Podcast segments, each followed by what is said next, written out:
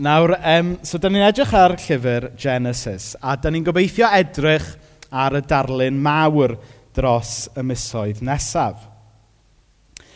Nawr, mae gwerth mewn astudio y Beibl yn fanwl adnod wrth adnod, a, ac yn bennaf, i ni'n gwneud hynna nos fawrth. Um, ond mae rhywbeth hefyd yn cael ei gochi weithiau drwy edrych ar y Beibl mor fanwl bod ni'n cochi y darlun mawr. A mae yna werth i ni yn y stori fawr ac yn y darlun mawr yn does. A gobeithio mai dyna fyddwn ni'n gweld dros y misoedd nesaf wrth edrych ar Genesis, Y byddwn ni yn gweld y darlun mawr. Nawr, dwi am ddarllen um, chydig adnodau o Genesis 1 i ni, i osod uh, cefndir felly. Um, Genesis 1 adnod 1 i 5 i ddechrau. Ar y dechrau cyntaf, dyma Dyw yn creu y bydysawd a'r ddeiar. Roedd y ddeiar yn anhrefn gwag, ac roedd hi'n hollol dywyll dros y dŵr dofn. Ond roedd ysbryd Dyw yn hofran dros wyneb y dŵr, a dywedodd Dyw, dwi eisiau golau, a daeth golau i fod. Roedd Dyw yn gweld bod hyn yn dda, A dyma Dyw yn gwahanu'r golau oddi wrth y tychwch. Rhoddodd Dyw yr enw dydd i'r golau a'r enw nos i'r tywychwch. Ac roedd nos a dydd ar y diwrnod cyntaf. Ac yna neidio mlaen i adnod 26. Yna dywedodd Dyw, gadewch i ni wneud pobl yn ddelw ohono ni'n hunain, i fod yn debyg i ni – i fod yn feistri sy'n gofalu am bopeth. Y pysgod yn y môr, yr adar yn yr awyr, yr anifeiliad, y ddeiar gyfan a'r holl greduriad a phryfed sy'n byw arni. Felly dyma Dyw yn creu pobl ar ei ddelw ei hun. Yn ddelw ohono ei hun y creodd nhw. Creodd nhw yn wryw ac yn fenyw. Felly dyna adnodau dwi dwi'n gyndyn o ddeud adnodau cyfarwydd, achos mae'n siŵr bod chi heb glywed nhw o Bible.net o blaen, ond um, adnodau sy'n sicr yn gyfarwydd o'r hen gyfieithiadau i chi, sydd dyma adnodau agoriadol y Beibl. Dyma ddechrau, nid jyst stori Genesis, ond dyma ddechrau stori y Beibl, dyma ddechrau yn stori ni gobeithio. Nawr, pam bod ni'n mynd i edrych ar Genesis tymor yma? Pam mynd nôl i edrych ar yr hen lyfr yma? Wel, um, jyst gen y Nadolig, ar y teledu, oedd un o gyngherddau um, y band Take That ar y teledu. Dwi'n gwybod pwy nath weld e, dwi'n cofio pa noson oedd hi. Do, wel, nath mena weld e, chos iddi efo fi. O'n i lawr yn tŷ rhieni mena a ddath cyngher Take That ar y teledu. Pwy ti'n cofio take that? Maen nhw wedi alffurfio yn y blynyddoedd diwetha, ond nôl yn, naw, yn y 90au o'n nhw ar eu cryfa. Um, ag, a mae hwn yn chydig um, linellau o bennill i can nhw, never forget. We've come a long way. Mae yna berle mawr fan hyn i ni. But we're not too sure where we've been. Been on this path of life for so long feel I've walked a thousand miles. Finding a paradise wasn't easy, but still. There's a road going down the other side of this hill, a wedyn y gytsgan, bron a cael sian i ddod lan i'r piano i ni gael caru fe. Never forget where you've come here from. Never pretend that it's all real. Someday, soon, this will all be someone else's dream. This will be someone else's dream. Wel, beth bynnag mae Take That yn trio dweud yn i can. Mae yna rhyw wirionedd pwysig yn llinell gyntaf y gytgan o leiaf yn does. Never forget where you've come here from. A chi deall beth i fi'n fe fi'n cael ato fe fan hyn. Er mwyn deall y presennol, mae rhaid i ni ddeall y gorffennol. Er mwyn adnabod yn hunain, mae rhaid i ni fod yn ymwybodol o'r gorffennol sydd wedi'n creu ni, yn does? A mae na ysfa yno ni fel pobl, dwi'n meddwl, i wybod rhywbeth ynglyn â'n gwreiddiau ni. I wybod am y dylanwadau sydd wedi bod arno ni. Mae yna ma raglenni, mae pobl yn watch ar teledu, who do you think you are, rhyw raglenni fel na yn does. Efo pobl eisiau gwybod lle mae gwreiddiau nhw, beth sydd wedi i creu nhw. A dyna un o'r rhesymau pam dwi'n meddwl bod y werthfawr i ni edrych ar lyfr Genesis tymor yma. Achos yn fan hyn mae'n stori ni yn dechrau. Drwy edrych ar Genesis, ddown ni wybod rhywbeth ynglyn â lle da ni wedi dod. Ddown ni ddeall yn hunain, gobeithio, a ddown ni ddeall yn stori ni gyda stori Dyw. Wrth fynd nôl i ddechrau'r stori. Never forget where you've come here from. So tro nesaf, byddwch chi'n clywed y gana ar y radio. Cofiwch am werth Genesis yn y Beibl. Yn ni, mae yna ddang gallu dod o bopeth. Nawr, um, ystyr Genesis, ystyr y gair Genesis, ydy, um, ydy tarddiad, neu yn Saesneg, origins, neu dechreuadau, neu beginnings. Dyna, dyna di ystyr uh, Genesis. Felly llyfr Genesis, i ystyr e yw llyfr y dechreuadau, os hoffech chi. Beth yw pwrpas y llyfr yma? Wel, mae e'n lyfr sy'n deud rhywbeth wrthyn ni ynglyn â Dyw. Mae e'n lyfr sy'n deud rhywbeth wrthyn ni ynglyn â ni yn hunain. Mae e'n dweud rhywbeth wrthyn ni ynglyn â'r byd. Mae e'n dweud rhywbeth ynglyn â beth sydd ddim yn anghywir gyda'r byd. Ond hefyd, reit o'r dechrau, mae e'n deud rhywbeth ynglyn â cynllun Dyw i roi popeth nôl yn iawn yn y diwedd. Felly, yn y llyfr cyntaf yma yn y Beibl, mae lot o'r themau pwysig i'n ffydd ni yn dod i'r amlwg reit o'r dechrau. A dwi hefyd yn meddwl fod yma neges gyfoes yn yr hen, hen lyfr yma hefyd. Nawr, dros um, y newyddion mawr dros y Nadolig oedd y tywydd difrifol. ddigwyddodd yn y wlad yma um, a trwy'r byd mewn gwirionedd. Dyma lun o'r A55, y brif ffordd mewn ac allan o Ogledd Cymru, a chydig ddwrnodau cyn nadolig, dwi'n meddwl. Ac mae lot o bethau yn mynd yn anghywir gyda'r byd yma yn rhannol oherwydd bod ni fel pobl ddim yn trin creadigaeth Dyw yn y ffordd mae Dyw wedi galw ni i wneud. A ddys i ar draws yr, um, y dyfyniad arbennig yma gan ffrind i fi o'r enw Dewi Arwel Hughes. There has probably never been a time when, it's, when it is more important for us to understand our origin and nature as human beings. Why are we so powerful? Why do we use our amazing abilities in a way that makes some very wealthy but leaves others in abject poverty? Why are we able to be so destructive and yet so creative? Is there any hope for us? The foundations of the biblical answer are found in the book of Genesis. Felly, er bod hwn yn hen, hen lyfr, dwi eisiau ni weld fod yn y llyfr yma bod ganddo fe lot i ddweud wrthyn ni ynglyn â'n bywydau ac ynglyn â'r byd heddiw. Um, dwi eisiau ni fynd trwy Genesis a gweld mwy na jyst storis difyr am rai o'n hoff gymeriadau yn y Beibl. I ni'n mynd i ddod ar draws Noah, i ni'n mynd i ddod ar draws Abraham, Joseph ac yn y blaen. Rhai o'n, o'r hoff hanesion ni o'r Beibl falle. Ond dwi eisiau fe fod yn rhan o'n stori ni heddiw hefyd.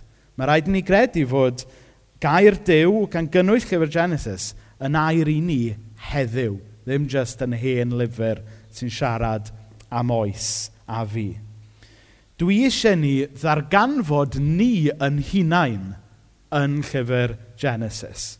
Dwi eisiau ni fod ar daith drwy Genesis a gweld beth yw galwad Dyw ar ein bywyd ni heddiw. Chi gyda hynny, ewn ni edrych sy'n mae'r llyfr yn agor. Ar y dechrau cyntaf, dyma Dyw yn creu y bydysawd a'r ddeiar. Nawr wrth astudio'r Beibl, mae e'n bwysig iawn bod ni yn cadw mewn cof mae nid un llyfr yw'r Beibl. Casgliad o lyfrau yw'r Beibl. Dyna ydy ystyr y gair Beibl, Biblios, sef llyfrgell. Dyna, dyna ystyr y gair. Pan oedd um, Arfon Jones yn rhoi Beibl.net at ei gilydd. Um, y working title oedd gyda fe oedd Llyfr y Llyfrau, er mwyn pwysleisio mae casgliad o lyfrau oedd y Beibl, nid un llyfr fel petai. Ac mewn unrhyw lyfrgell neu mewn unrhyw siop lyfrau, mae gwahanol lyfrau wedi cael eu rhannu allan mewn i genres gwahanol yn dydyn. Pan i chi mynd mewn, dydwch chi Palas Print yn Gynarfon fyma. Mae genddyn nhw nofelau fyna, i llyfrau hanes fyna, i llyfrau Ale Davies fyna, a, ac yn y blaen, ac yn y blaen. Um, a dyna sut i chi'n gwybod eich ffordd o gwmpas y siop. A mae'n bwysig bod ni'n ymwybodol fan hyn fod y Beibl yn cynnwys llyfrau o genres gwahanol. Ac i chi'n goffod darllen llyfrau gwahanol o'r Beibl, felly mewn ffordd wahanol, er mwyn gweld y gwirionedd mae Dyw yn trio roi i chi. Na mae hwnna'n gwneud synwyr yn dydy. Ymerwch chi nawr bod chi'n mynd mewn i'r siop lyfrau. I chi ddim mynd i ddarllen nofel gan enwch nofelydd. Dwi ddim yn foes i darllen nofelau. Rhyw enw fedra i ddeud, Lowry. Ian Banks, Agatha Christie. To, da chi ddim yn mynd mewn i siop lyfrau. Cael llyfr Agatha Christie, iawn, a llyfr am hanes yr ail ryfel byd, dydwch, ac yn darllen llyfr Agatha Christie yn yr un ffordd ydych chi'n darllen y llyfr hanes. Na. Hynny, mae yna werth i'r ddau lyfr, ond er mwyn deall beth maen nhw'n dweud, mae rhaid chi darllen nhw yn wahanol. A mae hwnna yn arbennig o wir am lyfrau o'r Beibl. Nawr, dydy hynna ddim i ddeud, a dwi eisiau pawb glywed hyn yn glir, dydy hynna ddim i ddeud fod, fod gwahanol rannau o'r Beibl yn fwy pwysig na'i gilydd. Na. Mae pob rhan o'r Beibl yn siarad gwirionedd dew i ni. Ond er mwyn deall y gwirionedd yna, mae rhaid ni ddarllen nhw yn y ffordd iawn. Ac ar pwynt, y rheswm pam o di yn dweud hyn yw, mae'n bwysig bod ni'n deall bod penodau cyntaf Genesis yn cyflwyno gwirioneddau diwynyddol i ni ynglyn â dew, ynglyn â'r byd, yn hytrach na bod yn lyfrau technegol gwyddonol sy'n deitha ni rhywbeth ynglyn â sut mae Dyw yn creu y byd. Hynny yw, llyfr sydd gyda ni ar ddechrau Genesis, penodau cyntaf Genesis, ynglyn â'r pam a'r pwy yn fwy na'r sut a'r pryd. A mae yna wahaniaeth cynnil fan hyn. Hynny yw, mae rhan fwy o bobl yn gweld nawr bod penodau Genesis yn deithio ni pwy sydd wedi creu y byd. Mae'n deithio ni, sef Dyw, mae'n deithio ni pam bod wedi creu y byd ond nid rhyw lyfr gwyddonol sydd wedi cael ei sgwennu i'r unfed ganrif ar hugen ydy pen de cyntaf Genesis. Ond sylwch, di hwnna ddim yn cymryd i ffwrdd o gwbl y gwirionedd mae penodau cyntaf Genesis yn dweithio ni ynglyn â cymeriad yw. ynglyn â pwy nath greu y byd ac yn y blaen. Um, dwi'n meddwl bod um, y dyfyniad yma yn crynhoi y peth lot gwell na gallai i. It doesn't explain how things were made, simply who made them and why. Genesis chapter 1 is above all theology. It was written in the first place, of course, for Israelite readers long ago, in a world very different in some respects from ours. The lesson is that every fa- facet of the universe was, in fact, created majestically and purposefully by the only wise God. A mae hwnna'n ddyfyniad o rhufeiniad.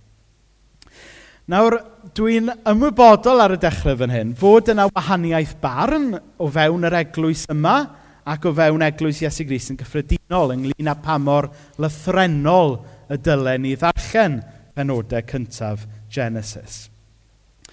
Ond yr unig beth wedau i, ist ar y ffens fan hyn, mae'r Beibl yn glir ar y pethau sydd angen i ni fod yn glir ynglyn â nhw. Sef, pwy greodd y byd? Dew. Pwy yn creodd ni? Beth yw pwrpas y byd? Beth yw'n rôl ni yn y byd? A beth aeth o'i le yn y byd perffaith yma na ddew greu? Allwn ni drwy, mewn cariad ddod i gasgliadau gwahanol ynglyn â technicalities hynny, ond gobeithio fan hyn ar y dechrau gallwn ni ddweud yn un ynglyn â'r gwirionedd cyffredinol mae Dyw greodd y byd, fod yna greawdwr. Hynny yw, beth sydd gyda ni a ddechrau Genesis ydy darn o ddiwynyddiaeth sy'n gosod y chwyfan yn fwy na llyfr technegol o'r unfed ganrif ar hugen sy'n dweud set. A gobeithio bod chi o leia yn deall beth dwi'n trio deud, hyn oed os dydy pawb ddim yn cytuno cant y cant gyda hynna. Nawr y gwers cyntaf dwi eisiau ni fyfyrio dros fo yw ar ddechrau Genesis, mae'n amlwg bod gan ddiw gynllun. Oherwydd bod Dyw yn ddiw sydd atrefn cynllun a pwrpas wrth ddod â goleini i'r byd. Nawr mae unrhyw un sydd wedi bod i'n tŷ ni yn gwybod bod fi a Mena ddim y creaduried, sori Mena, mwy ataclus yn y byd.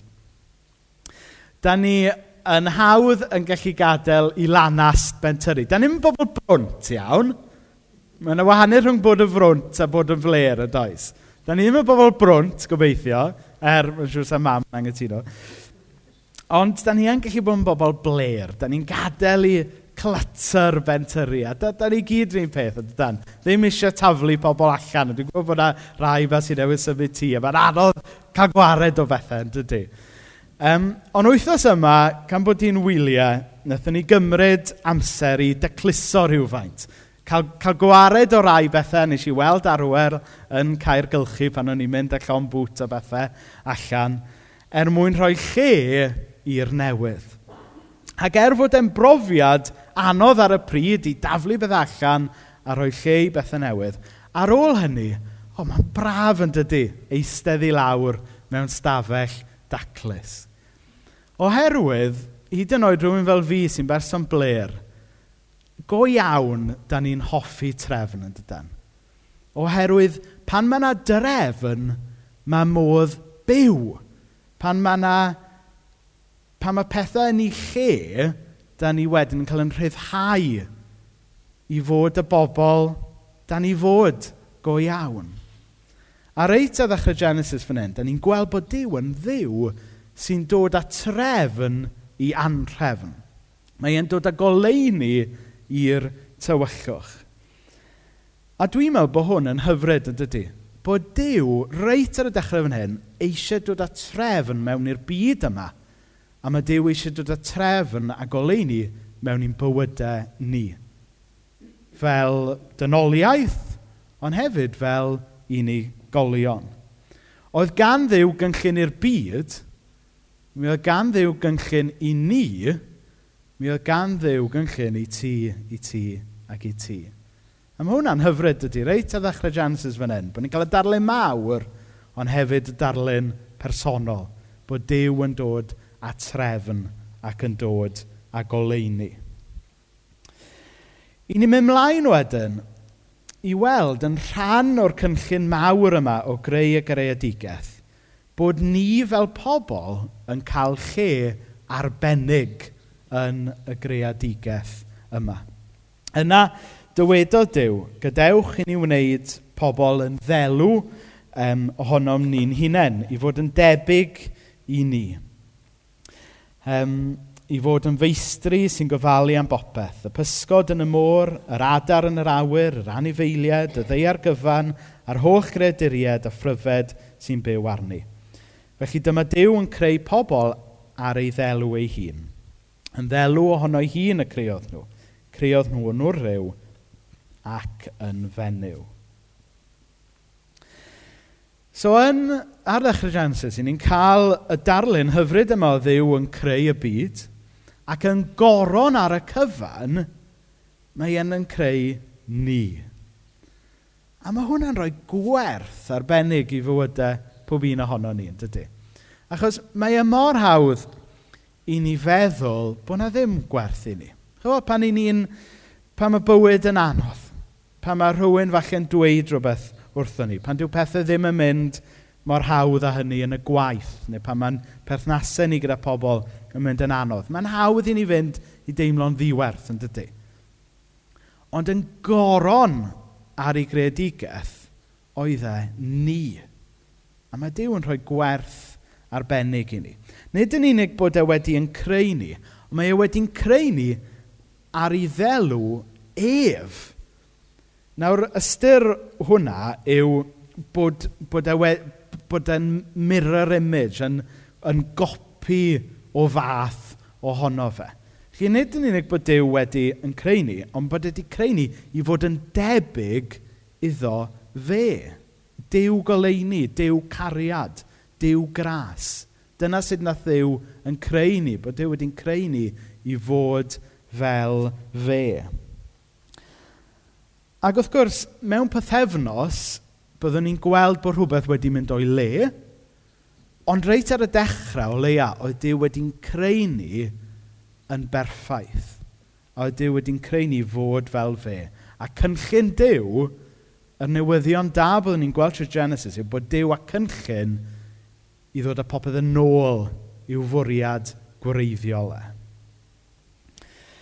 Nawr, nid yn unig hynny, ond ar ddechrau Genesis, ni'n gweld fod yna berthynas arbennig rhwng Dyw a pobl. Oedd Dyw wedi creu'r anifeiliaid a'r planhigion ac oedd wedi gweld rheina'n dda, ond o'na rhywbeth ychwanegol, rhywbeth special yn y berthynas rhwng Dyw a pobl. Nawr, um, nid dim ond perthynas creor a creedig sydd rhwng, ddo, rhwng Dew a ni, nid jyst perthynas to, creator a created, ond mae yn Genesis ni'n gweld bod e'n fwy o bartneriaeth. Cymaint mae Dew yn encaru ni, nes ddim jyst bod wedi creu ni, ond mae wedi creu ni i fod yn bartneriaid gyda fe yn y gwaith o falu ar ôl y byd. Nawr mae hwnna'n rhoi pwrpas arbennig i fywyd pob un ohono ni. Mae Dyw wedi'n gwneud ni yn bartner yn ei gynllun mawr. Nawr mae Dyw yn yn dewis ni i fod yn bartneriad gyda fe yn y gwaith yma. Nawr, stori arall sy'n esbonio'r peth. Dros yn adolyg, um, buon ni lawr yn y de, Fi yn i'n Nghaerdydd am ddiwrnod ac aethon ni i'r siop fawr yma o'r enw John Lewis. Nawr mae e'n siop, i chi sy'n eb fod yna, mae e'n siop enfawr, mae yna un yn Lerpwl dwi'n meddwl. Um, a mae yna lot o bethau sy'n ridiculous o ddrud yna. Dyna oedd yr argraff cyntaf oedd yn taro rhywun. Um, ond yr hyn sy'n arbennig am y siop a'r cwmni yma yw fod e'n gwmni cydweithredol. Mae e'n cooperative, fel y co-op a gwahanol gwmnïau eraill sydd o gwmpas y lle. Ac um, a'r hyn sy'n drawiadol am John Lewis a cwmnïau cydweithredol yw fod pawb sydd ar staff y cwmni o'r prif weithredwr i'r bobl sy'n glanhau y toilet yn cael ei galw yn bartneriaid yn y cwmni. A fod pob aelod o'r staff, eto o'r bos i'r bobl sy'n gweithio ar y tils, yn dal siars yn y cwmni oherwydd bod e'n gwmni cydweithredol. A'r canlyniad yw, oherwydd fod pawb sy'n gweithio i'r cwmni yn bartneriaid, mae ganddyn nhw, mae yna ma, ma werth i bawb sy'n perthyn i'r cwmni. Mae yna bwrpas i bawb sydd yn rhan o'r cwmni. A mae pawb sy'n rhan o'r cwmni o'r top i'r gweilod a perchnogaeth yn y cwmni. A dwi'n meddwl fod dechrau Genesis yn dysgu ni fod Dyw wedi'n gwneud ni yn bartneriaid yn i fyd e. Mae Dyw wedi'n dewis ni fod yn bartneriaid yn ei fyd e. Felly ar ddiwedd y neges gyntaf yma o lyfr Genesis, dyma yw'r her dwi am osod i bob un ohono ni. Ydyn ni yn cyfryd y cyfrifoldeb yma o ddifri i fod yn bartneriaid gyda Dyw? Neu tybed i ni'n llusgo traed ac yn disgwyl am gynnig gwell i ddod o'r rolau. Dyn ni'n disgwyl lle bydd Debenhams yn talu cyflog gwell. Neu, chi'n deall y gymhariaeth. Ydyn ni'n disgwyl rhyw gynnig gwell? Neu ydyn ni yn derbyn y cynnig am ddew i fod yn bartner gyda fe yn y byd yma? Mae'r Dyw sydd wedi creu'r byd yma, mae Dyw sydd wedi'n creu ni yn cynnig partneriaeth i ti yn ei gynllun mawr e. Felly ar ddechrau, y gyfres yma ar ddechrau llyfr Genesis, ydyn ni yn addoli y creawdwr. Ydyn ni yn derbyn y gwahoddiad i fod yn bartner gyda fe yn y cynllun mawr. Amen.